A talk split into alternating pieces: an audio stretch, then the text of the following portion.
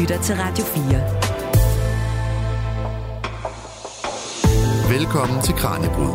I dag med Julie Melgaard Harbo. Hver øh, nat, når du lægger dig til at sove, så fortsætter din hjerne med at arbejde på øh, højtryk, selvom du sover tungt. Så hvad hvis den måde, vores hjerne opfører sig på, når vi sover, kan afsløre en hel masse om, hvordan vi har det, om vores mentale helbred? Forskere på Aarhus Universitet er netop gået i gang med et forskningsprojekt, der skal kortlægge hjerneaktiviteten hos patienter med bipolar lidelse i søvnen, for at se, om det måske kan hjælpe os til bedre at forstå lidelsen og potentielt hjælpe med at skabe bedre behandlinger til patienterne. Så hvordan kan vores hjerneaktivitet i søvnen afsløre, hvordan vi har det?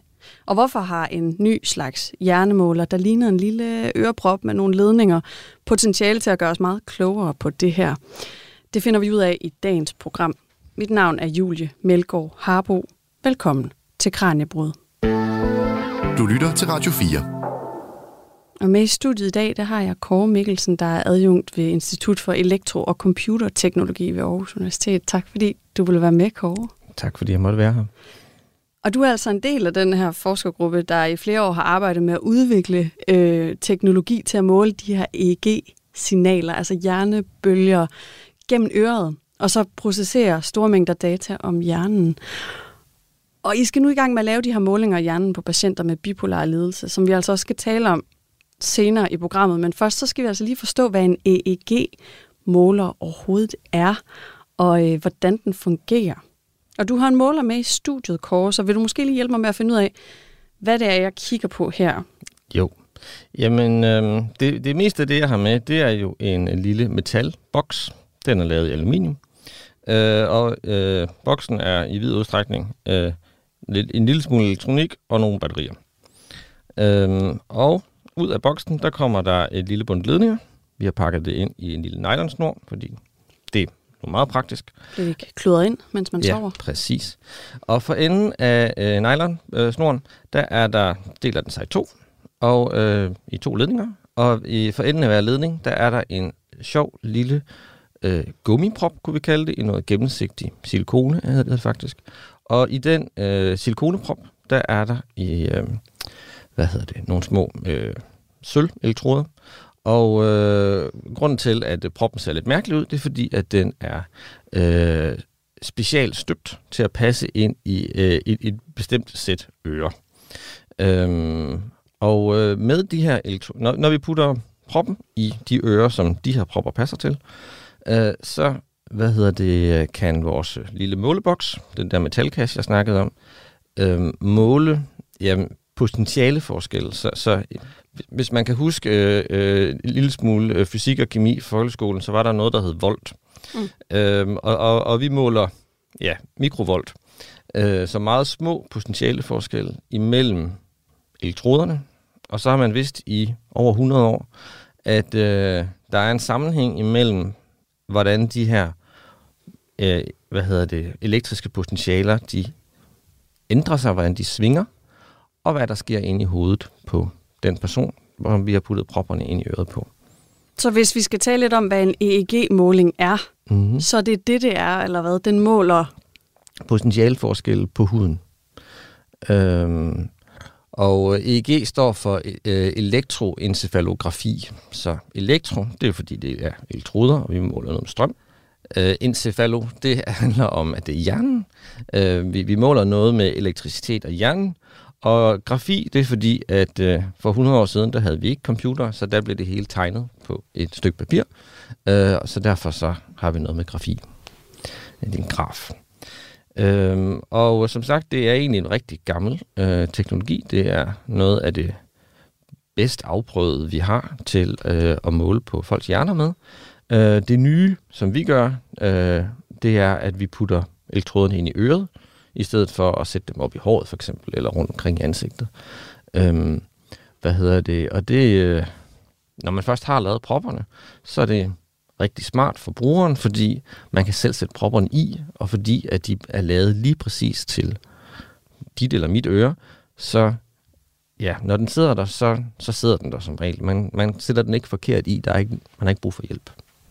Men hjernebølgerne bliver simpelthen målt lige godt øh, lige meget om man har de her elektroder siddende på hovedet, som man måske har set før i sådan nogle søvnklinikforsøg. Man har mm. måske set billeder af folk, der har fået sat sådan nogle rundt på hovedet. Og så hvis man får de her ørepropper i ørerne, det er simpelthen det, er det samme, den måler på, eller hvad? Altså, det er det samme, den måler på, men øh, vi måler ikke, altså, vi kan ikke se alt, hvad der sker i hjernen. Øh, der, der er nogle ting, og, og, og alt efter hvad man gerne vil måle, så er det nogle vigtige ting, som vi ikke kan måle på den her måde. Øhm, så, så en stor del af vores forskning har været at finde ud af, okay, jamen, hvilke, hvilke, hvilke øh, paradigmer, som man kalder det, hvilke øh, eksperimenter øh, fungerer godt fra ørerne, og hvilke gør ikke.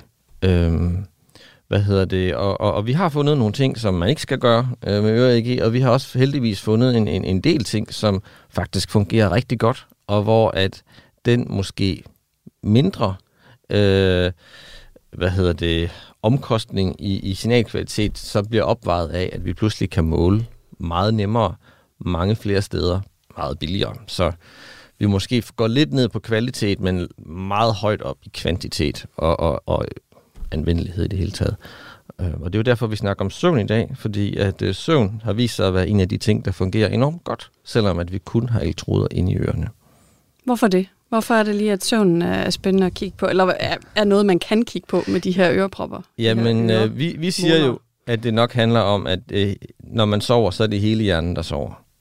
Og så er det ok, at vi kun måler på en del af hjernen, eller at det kun er, hvis vi, vi, vi snakker om vores field of view, at øh, vi, der er nogle steder, vi kan, vi kan høre bedre med vores elektroder end andre, hvis jeg må bruge den analogi. Mm. Øhm, og det viser sig, at det er godt nok. Det vidste vi ikke, da vi startede. Øh, men, men, men vi var så glædeligt overrasket, at der for en gang skyld var noget, der viste sig at være nemmere i virkeligheden, end øh, man havde turt håbe på.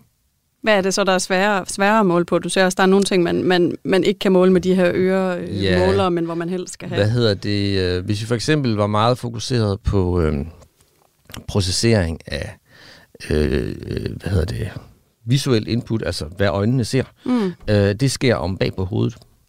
Og, øh, og så kom, begynder vi at komme lidt langt væk fra vores øh, elektroder. Øhm, hvis vi gik meget op i at lokalisere præcis, hvor i hjernen noget skete, det er der nogle metoder til, men alle de metoder, de afhænger af, at man har virkelig bare dækket hovedet i mange elektroder. Øhm, og hvor at, ja, der, der, der skal man bare ja, have rigtig mange målpunkter, og det har vi ikke. Øhm, så, så, så den slags eksperimenter kan vi næsten ikke foretage. Øhm, så vi, øh, vi, vi, vi satser på vores styrker. Er der andre grunde til, at det er smart med de her små øh, øreprop-målere, i stedet for dem, der sidder på hele hovedet? Altså når vi taler om måling af søvnen, hvorfor er de måske smartere? Fordi folk selv kan putte dem i, siger du? Ja, så øhm, som sagt, vi har målt øh, EEG i over 100 år. Vi har målt søvn i, jeg har lyst til at sige i hvert fald 40, nok også noget mere. Øhm, der er nogle rigtig fine standardmetoder til at gøre det her, øh, og de øh, involverer alle sammen, at man øh, får øh, monteret, øh, e, skal vi sige, 13 elektroder, tror jeg er standarden, rundt omkring i håret og bag ørerne og en lille smule i ansigtet. Og det virker rigtig godt, men det skal sættes på manuelt, øh, inde, typisk inde på en søvnklinik, og det skal det gøres hver nat, eller ja, hver eftermiddag. Øhm, og det er, det er jo dels dyrt, fordi der er nødt til at være en kliniker, der gør det hver dag. Øhm, og det kan for nogen øh, virker det indgribende på deres søvn, at øh, de kan på en eller anden måde føle sig lidt øh, ubehageligt tilpas, fordi de har det udstyr på. Øh, har måske, altså, de fleste har nok mest lyst til at blive hjemme den aften, øh, når man har det udstyr på. Øh, så man, man vil sjældent øh, gøre det meget mere end en eller to nætter ad gangen. Og, øh, og det kan jo være et problem, hvis man er interesseret i en lidelse, som måske ikke kommer til udtryk hver nat, eller hvor at, øh, at man har nødt til at se et sådan repræsentativt udsnit af patientens netter, for ligesom at se, okay, sover du generelt lidt dårligere, eller ja, var det bare lige en, en særlig heldig eller særlig uheldig nat, vi så. Der er helt sikkert nogen, og der er, altså, man laver masser af, af, af søvnmålinger, fordi der er ledelser, som, øh, øh, hvis de er der, så er de der meget, og man kan godt se det på en enkelt nat. Men der er også nogle øh, situationer, hvor det måske vil have en øh, værdi, og øh, øh, kunne se måske en uge eller to, alt efter ja, patientens øh, behov. Det her er Kranjebrud på Radio 4. Det er jo noget med, at du har fortalt mig, at Andreas Mogensen han sover med en op på rumstationen. Og det kunne jeg godt tænke mig at høre lidt om. Hvorfor, øh, hvorfor har man givet ham sådan en med derop? Jamen, det er faktisk rigtigt. Øhm, han, er, han er faktisk lige blevet færdig, øh, Ja. så vidt vi ved. Øhm, med, men, øhm, hvad hedder det? Astronauter sover også ret dårligt. Det, øh, sovemedicin går faktisk for at være den mest udbredte lægemiddel brugt på rumstationen. Okay. Øhm, Hvilke grunde er der til det, ved man? Det er, det er bare fordi, det, hvordan sover de på en rumstation? jamen, de sover jo øh, i på en eller anden måde spændt fast til, til, til væggen. Ja, Øhm, og der er forskellige gode grunde, øh, og derudover nogle teorier om, hvorfor de sover dårligt. Den vigtigste er nok, at de har bøvl med døgnrytmen. Øhm, de har ikke... Ja, solen står op omtrent 14 gange øh, i døgnet. mm. Øhm, og, og man har historisk set været dårlig til at sådan variere den kunstige belysning derop, så der har egentlig bare været fuld smæk på lyset hele tiden, og der er ret meget støj derop, fordi de øh, har meget ventilation kørende hele tiden. Øhm, så man ved i hvert fald, at de sover dårligt, og man, der er nogle forskellige praktiske grunde til, at øh, det giver måske mening, og så er der også nogle mere spekulative, spekulative grunde, om, øh, der handler, bygger på, at øh, måske er der også et eller andet med, at man ikke har tyngdekraften længere. Øh, hvad hedder det? Man ved fra nogle studier på jorden, at øh, Øh, hvis man øh, for eksempel der, øh, hvis man sover utrygt, så kan det godt påvirke søvnen. Og der kunne det jo godt tænkes, at det, at man på en eller anden måde falder kontinuerligt 24 timer i døgnet, at det på en eller anden måde er lidt utrygt, selvom man har vendt sig til det. Det ved vi ikke. Øhm, der kunne også være noget med, vi ved, der foregår nogle renseprocesser i hjernen, øh, især i den dybe søvn. Øh, jeg ved ikke helt, hvad der sker, hvis man ikke har de her renseprocesser, men øh, det kunne godt tænkes, at der var noget af de her renseprocesser, der ville fungere en lille smule anderledes øh, i øh, vægtløs tilstand, fordi væsker nogle gange flyder anderledes. Øhm, mm. Om det vil påvirke søvnen er meget, det er der ikke nogen, der ved. Men øh, når vi sådan har skulle ramse alle de grunde til, at vi synes, det var et interessant øh, forskningsprojekt op, så har det også været på listen. Altså, det lyder da i hvert fald som om, der er rimelig mange udfordringer med søvnen, jeg slet ikke har tænkt over, øh, når man skal afsted op på sådan en rumstation. Men dem, han sover simpelthen, han har fået lavet en, der passer til hans ører. Andreas ja. Mogensen, og så sover han med sådan en, er det så bare et par nætter, eller er det sådan, har I, har I data på et længere stykke tid? Øh, så han har startet med at sove øh, 10 nætter, øh, inden han fløj øh, i, i eget hjem. Og så har han, øh, hvad hedder det, sovet øh, 20 nætter øh, op på rumstationen. Øh, sådan spredt ud. Øh, hvad hedder det, øh, over det meste af missionen. Og øh, så, når han er kommet ned på jorden, og ja, over det værste, det er nok ikke jetlag, men, men på en eller anden måde alligevel er, er, er kommet til sig En selv, eller anden form for jetlag må Ja. ja. man næsten have. øh, så øh, øh, er der øh, ja, et sted mellem 5 og 10 målinger igen. Okay. Hvad, hvad regner I med at kunne se på dem? Altså regner I med, at det, at det er tydeligt, at han sover helt anderledes øh, deroppe, end han gjorde de 10 dage, I havde herhjemmefra? Øhm, nej, vi regner ikke med, at det er helt vildt tydeligt, men øh, vi øh, håber, jeg håber, øh, på, at vi måske kan se, at der sådan i gennemsnit er en lille ændring.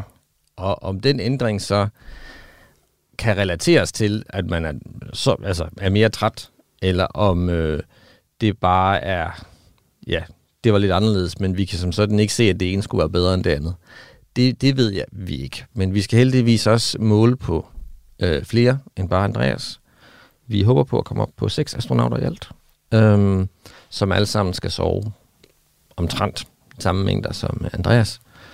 Øhm, hvad hedder det? Og så må vi jo se, om der sådan på tværs af astronauterne er nogle øh, øh, ja, trends.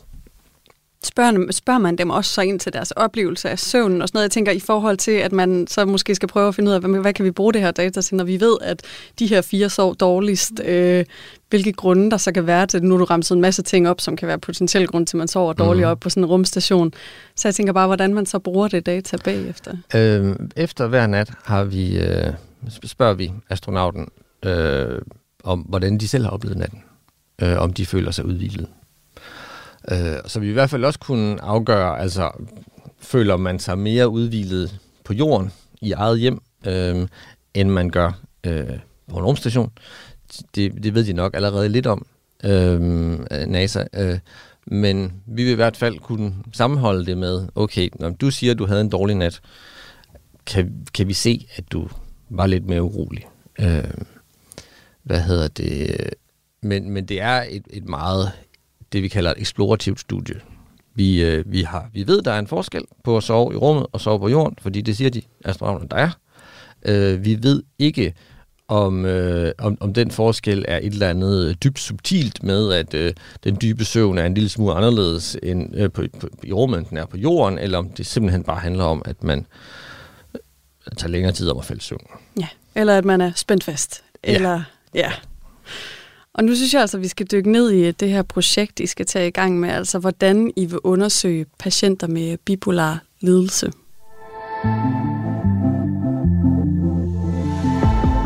Du lytter til Kranjebrud på Radio 4. Kåre, du er jo en del af det her forskningsprojekt, øh, som er ved at blive skudt i gang nu her. Hvad, hvad er det, I skal kigge på her med de her EEG-målere? Ja, Øhm, I det her projekt, som vi kalder for Bison-projektet, fordi det er bipolar sleep monitoring, øhm, øh, der er vi jo øh, interesseret i at komme ned på jorden igen og øh, øh fokusere på, på nogle studier, som måske lidt, lidt nemmere kan komme til at, at, at hjælpe almindelige mennesker. Øhm, så der var vi... Øh, Ja, der var, jeg, jeg var interesseret i at finde en patientgruppe, som, øh, hvor at, at, at, at det netop kunne have en stor værdi, at man målte mere end bare en nat. Hvor at, at man forventer, at søvnen ændrer sig, og måske også, at, at, at det, der giver den, den dårlige søvnoplevelse, ikke nødvendigvis er hver nat. Og så havde jeg allerede en øh, kontakt til øh, nogle øh, øh, psykologer, øh, hvad hedder det, behandler øh, ude i Skyby øh, på Aarhus Universitetshospital, øh, som jeg så ja, tog kontakt til og sagde, har du nogle gode idéer til, øh, hvor kunne det hjælpe jer, øh, hvis vi lavede sådan nogle målinger her? Hvor er der et potentiale? Øh, og så, øh, hvad hedder det, øh, blev det så foreslået, snak, hvad nu hvis vi kigger på den her gruppe af øh, patienter med bipolær lidelse? Øh, de sover ret dårligt, eller i hvert fald i perioder. Øh, og, og vi ved, at øh, især når de er i den depressive fase, øh, de, de svinger jo mellem både at være depressive og maniske, øh, og også ja, ingen af delene. Ja, nogen mere end andre. Nogle ja. er næsten også kun, har kun depressive perioder. Og, ja, men ja. i den depressive fase. Der, øh, der øh, oplever de, at de sover ret dårligt. Øh, men, men det er ikke noget, man måler, fordi de, det, er, det er for omstændeligt øh, og også for dyrt. Øh, hvis man skulle give dem hele udstyret på og, og sende hjem og, og sove øh, i en uge med det. Men, men vi vil jo godt kunne lave propper til en patient, og så øh, ligesom være klar til, øh, når, når de måske, ja, en, nogen kommer vi måske bare til at måle på i tre måneder, er typisk det, vi, vi, vi, vi vil gå efter. Øh, og så må vi jo se, hvordan deres øh, deres oplevede søvn ændrer sig i perioden. Øhm, og så vil der være andre, som, hvor vi måske kommer til at starte, når de er nede, og så kan det være, at vi kan, kan følge dem på vej op. Det må vi jo se. Øh, der kommer til at være... Vi håber på at måle på 20 patienter, og, og der vil så være øh, 20 unikke øh, historier i det datasæt. Og hvad er, det, hvad er det, I håber på, at, øh, at de her EEG-målinger de kan afsløre, når I kigger på på søvnen hos de her patienter med bipolar lidelse? Altså, hvad er jeres fokus ligesom? Jamen, vi, vi håber på, at øh, vi kommer til at, øh, altså drømmescenariet, mm. det er, at vi laver et, øh, en, en proces eller et værktøj, som kan hjælpe øh, behandlerne til at få noget sådan mere objektiv viden om, hvordan den enkelte patient har det. Både sådan sammenlignet med, med andre patienter måske, og også bare på lige på det tidspunkt. Så lige nu, der, der er mange sådan måder at snakke med patienten på, hvordan har du det, og så kan man sende dem i nogle søvnforløb, og man kan justere på deres medicin, og man kan gøre mange ting. Øhm, og der ville det alt andet lige være nemmere at gøre nogle af de ting, hvis man kan sige, okay, jeg kan faktisk også godt se, at du sover øh, halvanden time mindre nu, end du gjorde sidst, du var inde. Øhm, så det, det, det skal vi sige, det er det langsigtede drøm, det er, at, at, at det her øre-EG søvnmonitorering kan blive et værktøj, som kan hjælpe dem og holder helt op med at være forskning for dem. Øhm, på et kort bane i det her projekt, der drømmer jeg derom, at vi øh, kan se, at når patienterne oplever, at deres søvn ændrer sig, at så er vi enige med dem. Mm. Øhm, og det, kan det, er bare, det ikke er en beskrivelse af, jamen jeg synes, jeg sov dårligt i nat. Vi kan faktisk se på ja. nogle tal. Det ja, gjorde du. Du, du, du sov anderledes i ja. nat. Øhm, men vi er nok også interesseret i at se, når man, hvad er det så, der gør, at det bliver anderledes? Altså, øh, er det, handler det mest bare om, hvor mange gange de er vågnet i nat? Eller handler det om, hvor lang tid det tog dem at falde i søvn? Eller handler det om, at de sov lidt for skudt? Altså, det kan jo alle sammen være helt valide grunde til at opleve, at søvnen er anderledes og måske dårligere. Øh, men det med at finde ud af, hvad er det ved en nat, som får personen til at opleve, at det var en god eller en dårlig nat. Mm. Øh, det er vi ikke helt sikre på endnu. Er det vigtigt, at man har meget dyb søvn? Er det, øh, er det vigtigt, at man har meget remsøvn? Øh, mm. Vi har undersøgt det før. Øh, det, man kan sige, det er jo også noget af det, vi gør med, øh, med Andreas og hans kolleger. Men øh, vi har ikke prøvet før med nogen, der virkelig sover dårligt. Øh, og, og, og som vi måske også forventer har en, en stor øh, variation i deres, altså alt efter hvor de ligesom er i deres ja, lidelse. Øhm, så, så jeg håber, at vi bliver klogere på, i hvert fald på, på nogen, der, der virkelig sover dårligt nogle gange, at vi kan forstå, jamen, hvad er det, der er allervigtigst for din oplevede søvn. Og dagens gæst, Kåre Mikkelsen, han er altså ikke alene om forskningsprojektet Bison, hvor de skal kortlægge søvnen hos de her 20 danskere med bipolar lidelse. En af hans hovedsamarbejdspartnere, det er Nikolaj Lund Ladegaard, der er specialpsykolog i psykiatri, og det er han ved psykiatrien ved Aarhus Universitetshospital. Han giver her en øh, beskrivelse af bipolar affektiv sindslidelse, altså det, der i øh, daglig tale kaldes bipolar lidelse. Det er jo det, som man nok tidligere kendt som maniodepressiv sygdom. Det er en lidelse, som er karakteriseret ved ekstreme svingninger i stemningsleje og energi eller aktivitetsniveau. Så i nogle, i nogle perioder, så vil personen være manisk og løftet i humør og energi, måske også være irritabel, og i andre perioder være nedtrykt, depressiv og med ringe energi. Er det nemt at diagnostisere mennesker, der har bipolar lidelse? Det er det ikke nødvendigvis. Står man over for en person, øh, som er manisk, øh, så vil det være et, et, et tydeligt øh, anderledes billede, end øh, man ellers øh, oplever og ser mennesker i. Det vil være tydeligt for enhver, at der er noget her, der er forandret og anderledes. Men der kan være flere ting, der ligesom kan give anledning til den form for adfærd. Det kunne også være en, der var stofpåvirket eksempelvis. Så det er ikke nødvendigvis super simpelt at diagnostisere øh, tilstanden. Det er det ikke. Hvorfor er det, at de bipolare søvn kan være et godt forskningsobjekt? Øhm, søvn og bipolar lidelse er tæt knyttet. Øh, søvn indgår faktisk i øh, de diagnostiske kriterier for bipolar lidelse. Op mod 80% med bipolar lidelse, de oplever søvnproblemer. Og det kan, det kan både være en trigger for et symptom, der, der ledes af lidelsen. Så rigtig mange personer med bipolar lidelse, de har forstyrrelser i, i deres søvn. Og det kan vise sig sådan, at man under en manisk eller en hypomanisk episode, så øh, kan man opleve et drastisk reduceret behov for søvn. De kan føle sig energiske og være op hele natten, og det kan føre til søvnmangel. Og så kan man så sige, at i en depressiv fase, så kan det være omvendt sådan, at personen øh, oplever hypersomni, det vil sige, øh, at man har et, et usædvanligt højt øh, behov for søvn, og man er meget træt. Man ved også, at i mere stabile perioder, der vil personer med bipolar lidelse også have sammenlignet med baggrundsbefolkningen en mere forstyrret søvn. Øh, og søvn kan faktisk være sådan en tidlig indikator for os, for om øh, man i hvert fald er ved at, at gå ind i en hypomanisk eller manisk fase, sådan at det kan være en tidlig indikator, sådan at man begynder at sove mere afbrudt eller mindre færre søvn. Og det kan øh, starte en snibbold-effekt i forhold til, at øh, man bevæger sig ind i en hypoman eller en manisk fase. Og det er derfor, I har kigget på bipolar lidelse som et godt forsøgsobjekt i den her forbindelse. Bipolar er rigtig interessant øh, som et, et, et øh, undersøgelsesfelt i forhold til søvn, fordi det netop er en, en lidelse med de her faser, som er, er meget tæt øh, bundet op på, på søvnen også.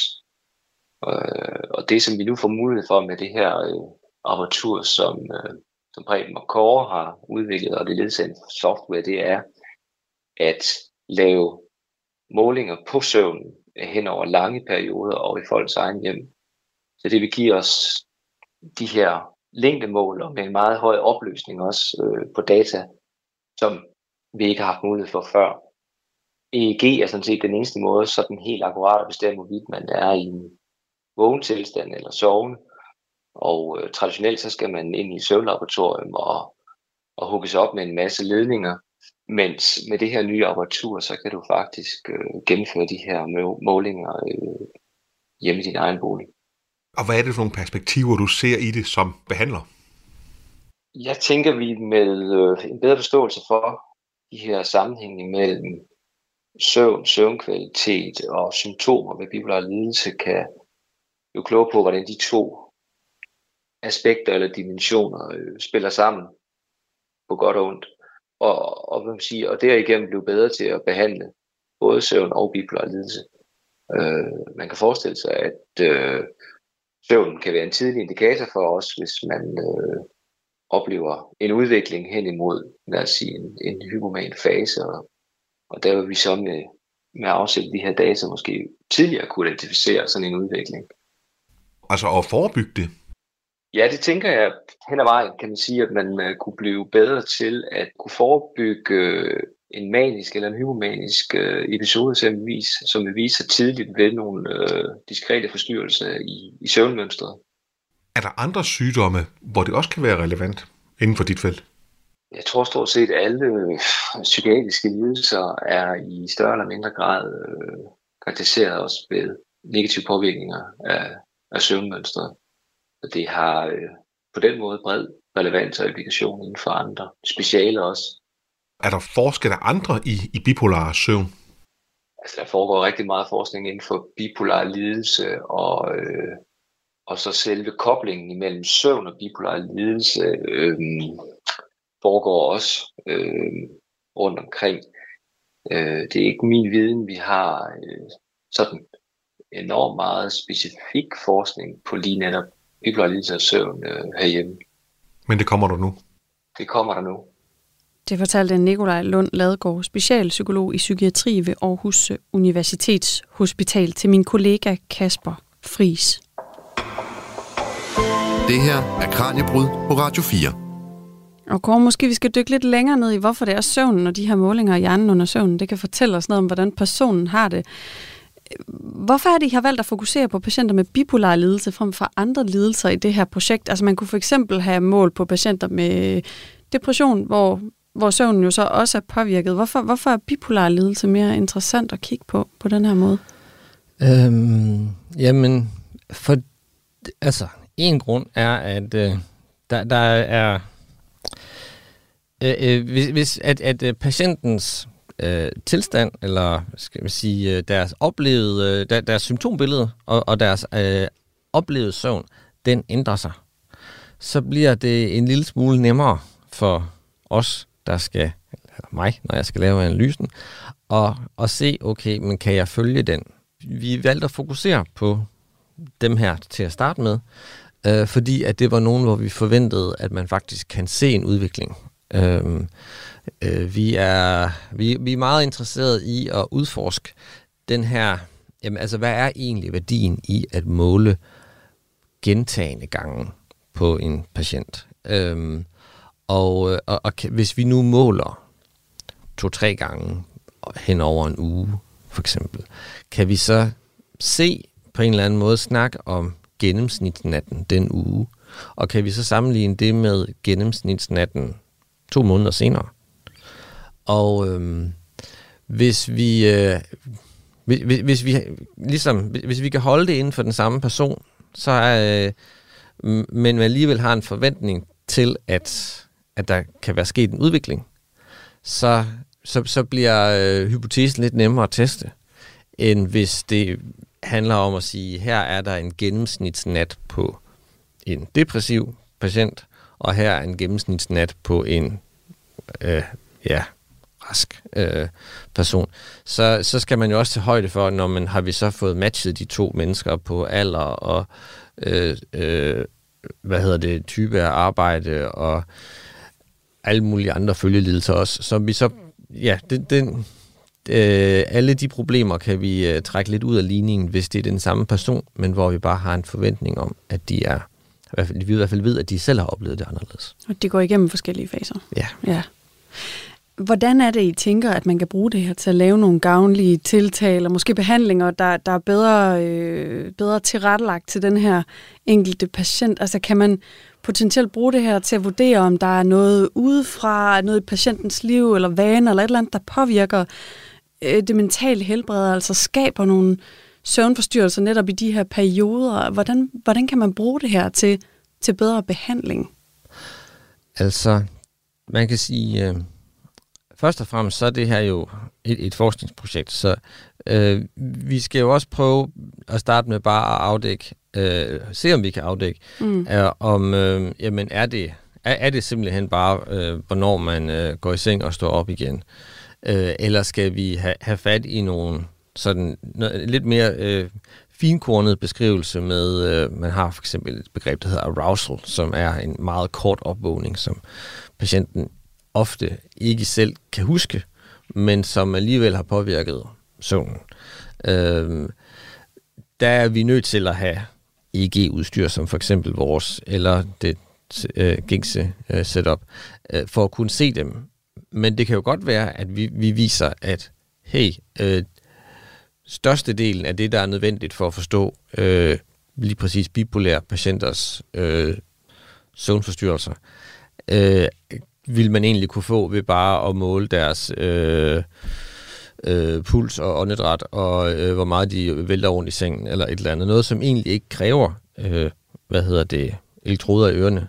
Så kunne det jo godt være, at man på sigt vil sige, okay, men nu ved vi faktisk, at der er ikke noget at hente ved de, altså, ved, ved, ved, ved det, det allerbedste måle, øh, målinger, så nu sætter vi bare en sensor på sengen og giver dem et øh, armbåndsur på, der måler deres puls.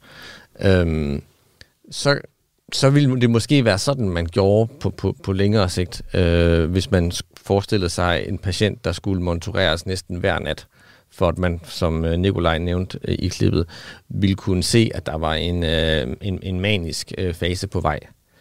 Øh, men det kan vi jo ikke vide, før at vi rent faktisk har målt det, og, og målt så præcist, som vi overhovedet kan. Øh, men, men så er håbet jo så ligegyldigt, hvilken øh, type af, af sensor vi når frem til, der er, er nødvendig. At, øh, hvad hedder det, øh, jamen at, at vi så kunne finde ud af, øh, enten er det simpelthen noget med, at patienter skal monitoreres, skal, skal man have øh, øh, have, have tildelt et måleapparat, øh, der, der snakker med ens mobiltelefon eller et eller andet andet, øh, og så bare sove med den fast øh, en eller to gange om, om ugen. Øh, hvad hedder det? Og så er der en lampe, der blinker inde hos Nikolaj, når øh, man skal til at have justeret medicinen, eller på øh, i et søvnforløb, eller hvad der nu er godt.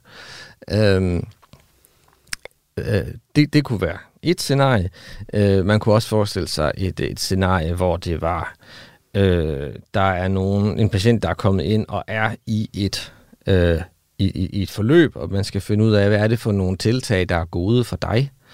Øh, der kunne det måske være en, en hjælp for behandlerne, at man startede med et lidt mere intensivt øh, øh, måleforløb, hvor der blev målt to-tre gange om, om ugen, indtil man ja, kunne se, når man, hvad er det, der, der bider på dig, og hvordan skal vi, hvordan skal vi forstå dine subjektive beskrivelser relativt til, hvad alle vores andre patienter siger.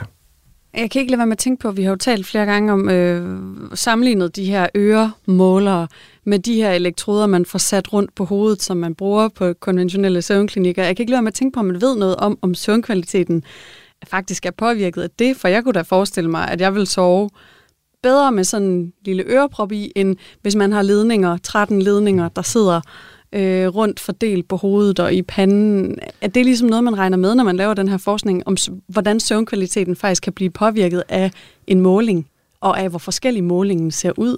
Øhm, altså det gør man, men, men man gør det også øh, sådan inden for, for virkelighedens begrænsninger.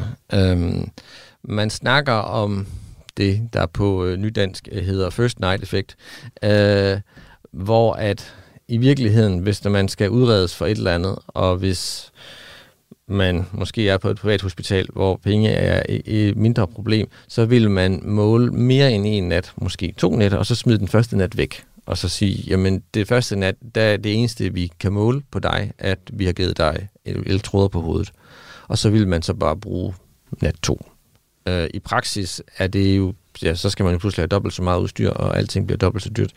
Øhm, men, men altså, det er ret etableret, at øh, folk sover mindre godt, når de har alt udstyret på. Og det er jo så også en grund til, at man tit vil fokusere på øh, patienter, hvor man har en forventning om, at deres søvn er ret påvirket af, hvad end den lidelse, man er ved at udrede dem for, måtte være. Øh, således at, okay, når man du havde en arousal, altså du havde en opvågning en gang i minuttet eller sådan et eller andet. Det ved vi, det, det får man ikke af vores udstyr, så, så du sover nok også dårligt uden udstyr, for mm. eksempel. Mm. Øhm.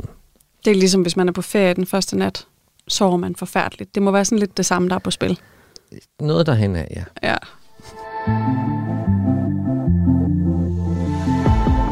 Du lytter til Kranjebrud på Radio 4.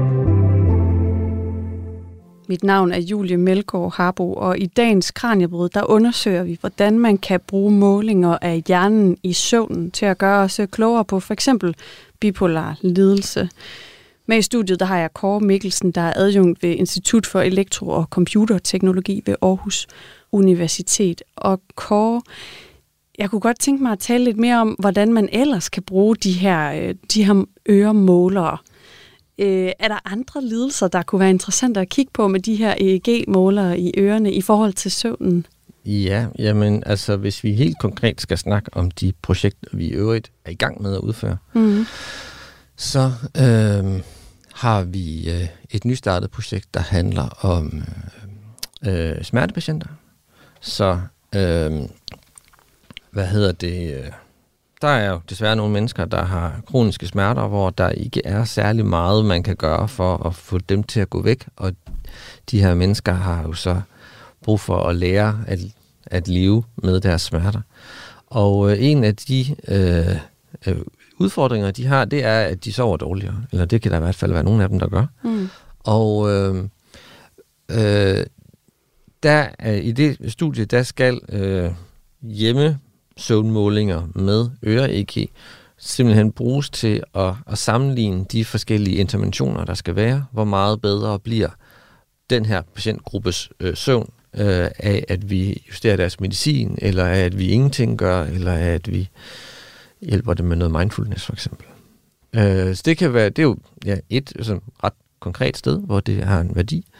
Så er vi også involveret i øh, et par projekter faktisk, øh, der handler om sammenhængen mellem øh, søvn og øh, øh, neurodegenerativ, neurodegenerativ lidelse, øh, specifikt øh, Parkinsons øh, sygdom, hvor man øh, ved, at der er øh, visse øh, søvnforstyrrelser, som hvor øh, en, langt hovedparten af de mennesker, der får den søvnlidelse, de får Parkinson måske 10 år senere. Øhm, og hvor at øh, det interessante, skal man sige, det er, at øh, øh, der er ikke nogen god behandling af, af Parkinson. Mm. Øhm, og, øh, og man forventer, at øh, hvis der vil komme en god behandling, så vil det være en, der skal øh, øh sættes ind, inden man egentlig har udviklet Parkinson. Mm. Fordi man er nødt til at, at stoppe ødelæggelsen af hjernen, i stedet for at, uh, at reparere den. Og der er symptomerne på Parkinson bare meget diffuse i årene, inden, ja. man, tit, inden man får en diagnose, ja. at de kan eksistere længe ja. før. Og det er ikke alle uh, Parkinson-patienter, der udvikler den her søvnlidelse, men det vil være nogen. Og der, Hvad er det for en type søvnlidelse? Jamen, uh, det hedder uh, RBD, som står for REM Behavior Disorder. Øh, så det handler om, at man sover meget uroligt. Man, man er meget interesseret i at blive bedre til at screene for RBD, og måske screene for tidlige stadier af RBD, fordi at øh, så vil man jo have nemmere ved at finde i hvert fald nogle af de patienter, som øh, man kunne forsøge på at behandle, og, og dermed komme i gang med at udvikle øh, ja, Parkinson-behandlinger eller forebyggende behandling. Så man vil potentielt kunne bruge denne her øremåler til, hvis, man, hvis der kommer nogen ind til lægen og har nogle, lidt, nogle af de her lidt diffuse øh, symptomer, som man kan have på Parkinson. Det kan være tarmproblemer eller et eller andet, og man ikke kan finde ud af, hvad grunden er til, at patienten oplever det her. Så kunne det være, at man potentielt kunne få sådan en her med hjem og sove med. Og hvis man så også kunne se noget i søvnmønstret, så kunne du hjælpe med en tidligere, diagnos- altså en tidligere diagnostisering af en patient. Ja, eller patienter, der øh, måske er i en risikogruppe og begynder at sige, at jeg sover dårligt. Mm. Øh, eller min, øh, min, min partner siger, at jeg øh, snakker meget søvne. Ja. Øh, så var det måske allerede der, at man sagde, okay, vi, vi, vi tjekker lige, om du er begyndt at have noget, der, der minder om, måske ikke RBD, men meget, meget, meget tidlige forstadier til RBD. Mm. Øh, hvor at lige nu, altså inden, når, når først man har udviklet altså seriøse øh, forstyrrelser i remsøvnen, så, øh, så har det nok stået på et stykke tid, og øh, så skal der også lige være en, en, en, en partner, der, der synes, det vil være så irriterende, at øh, man bliver sendt til lægen, og mm. inden man er kommet igennem hele systemet, og er blevet sendt på søvnklinikken og er blevet udredt, så er der jo gået endnu længere tid. Så altså en drøm er da, at, øh, at, at det her bliver noget udstyr, som ligesom at man kan få sendt øh, et, øh, en, en pulsmåler med hjem, øh, så kunne man få sendt et eller andet eller det her med hjem, øh, og så kunne det simpelthen være den praktiserende læge, der faciliterede screening, måske ikke analyserede resultaterne, men hvad med andre neurodegenerative, altså andre hjernesygdomme, som for eksempel demens? Kan man, kan man bruge det til at spore, om en hjerne er ved at udvikle en demenssygdom? Det ved jeg faktisk ikke. Nej. Øhm, jeg, altså... Ja, hvis, jeg sige, hvis det påvirker søvnen, øh, så vil jeg da tro, at det kunne være ja, en del af udredningen. Øh, det er svært at finde lidelser, hvor man vil turde diagnostisere udelukkende på, grund, på baggrund af EG'et. Ligegyldigt, hvor godt EG'et ellers er. Det, øh, det er selvfølgelig også en ting, vi håber på at kunne, øh, kunne flytte lidt på, når, når vi kan begynde at sige, okay, jamen det er rigtigt nok, at i, i gamle dage, hvor man kunne måle en, en nat eller en time øh, med EG'et, så var det ret øh, behæftet med en usikkerhed, men hvis vi nu kunne måle en måned, øh, så var det måske et mere pålideligt redskab. Men, men lige nu er det som regel, altså man, man ved godt, hvad det er, man mistænker, inden man måler på patienten. Mm. Øh, hvad hedder det? Altså vi er jo også, øh, det, det, det har også en, en, en, en vis øh, interesse for øh, øh, epilepsibehandling, øh, mm. øh, eller diagnostisering, monitorering. Der er nogle øh, ændringer i EEG'et, som øh, patienten ikke oplever, men som man øh, godt ville ja, kunne se i EG'et, og, og hvor der er nogle hypoteser om, at øh, man ved at se på, hvordan, ja, om de ændringer tog til eller ej, vil kunne måske justere patientens medicin for eksempel. Eller vurdere at sige, vi tror, du har epilepsi, men du har ikke, øh, der var ikke nogen til stede, da du havde et anfald eller et eller andet. Men nu, øh, nu måler vi lige på dig øh, i et par dage, og så ser vi, om du har de ændringer, som vi øh, forbinder med epilepsi. Du lytter til Kranjebrud på Radio 4. Men du har også fortalt mig, at kunstig intelligens spiller en ret stor rolle i forhold til, hvordan I får analyseret det her data, I så sidder med. Vil du fortælle mig lidt om det? Ja, så det er øh, ja, kunstig intelligens, eller maskinlæring, machine learning, mm. det er det, vi øh, mest kalder det.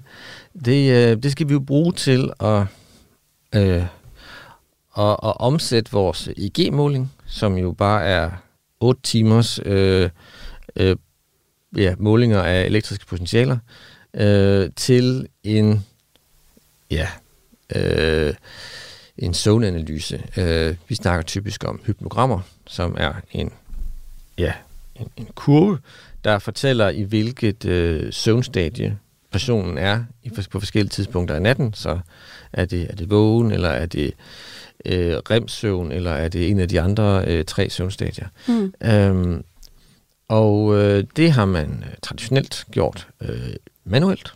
Der er nogle øh, dygtige øh, hvad hedder det, teknikere, som øh, udover at de kan finde ud af at sætte øh, elektroderne fast de rigtige steder på hovedet, så kan de også analysere øh, målingen bagefter og, og afgøre for 30 sekunders intervaller, hvordan, ja, hvad for et søvnstadie personen i, og har de de der arousals, jeg snakkede om tidligere, og, og en række andre ting.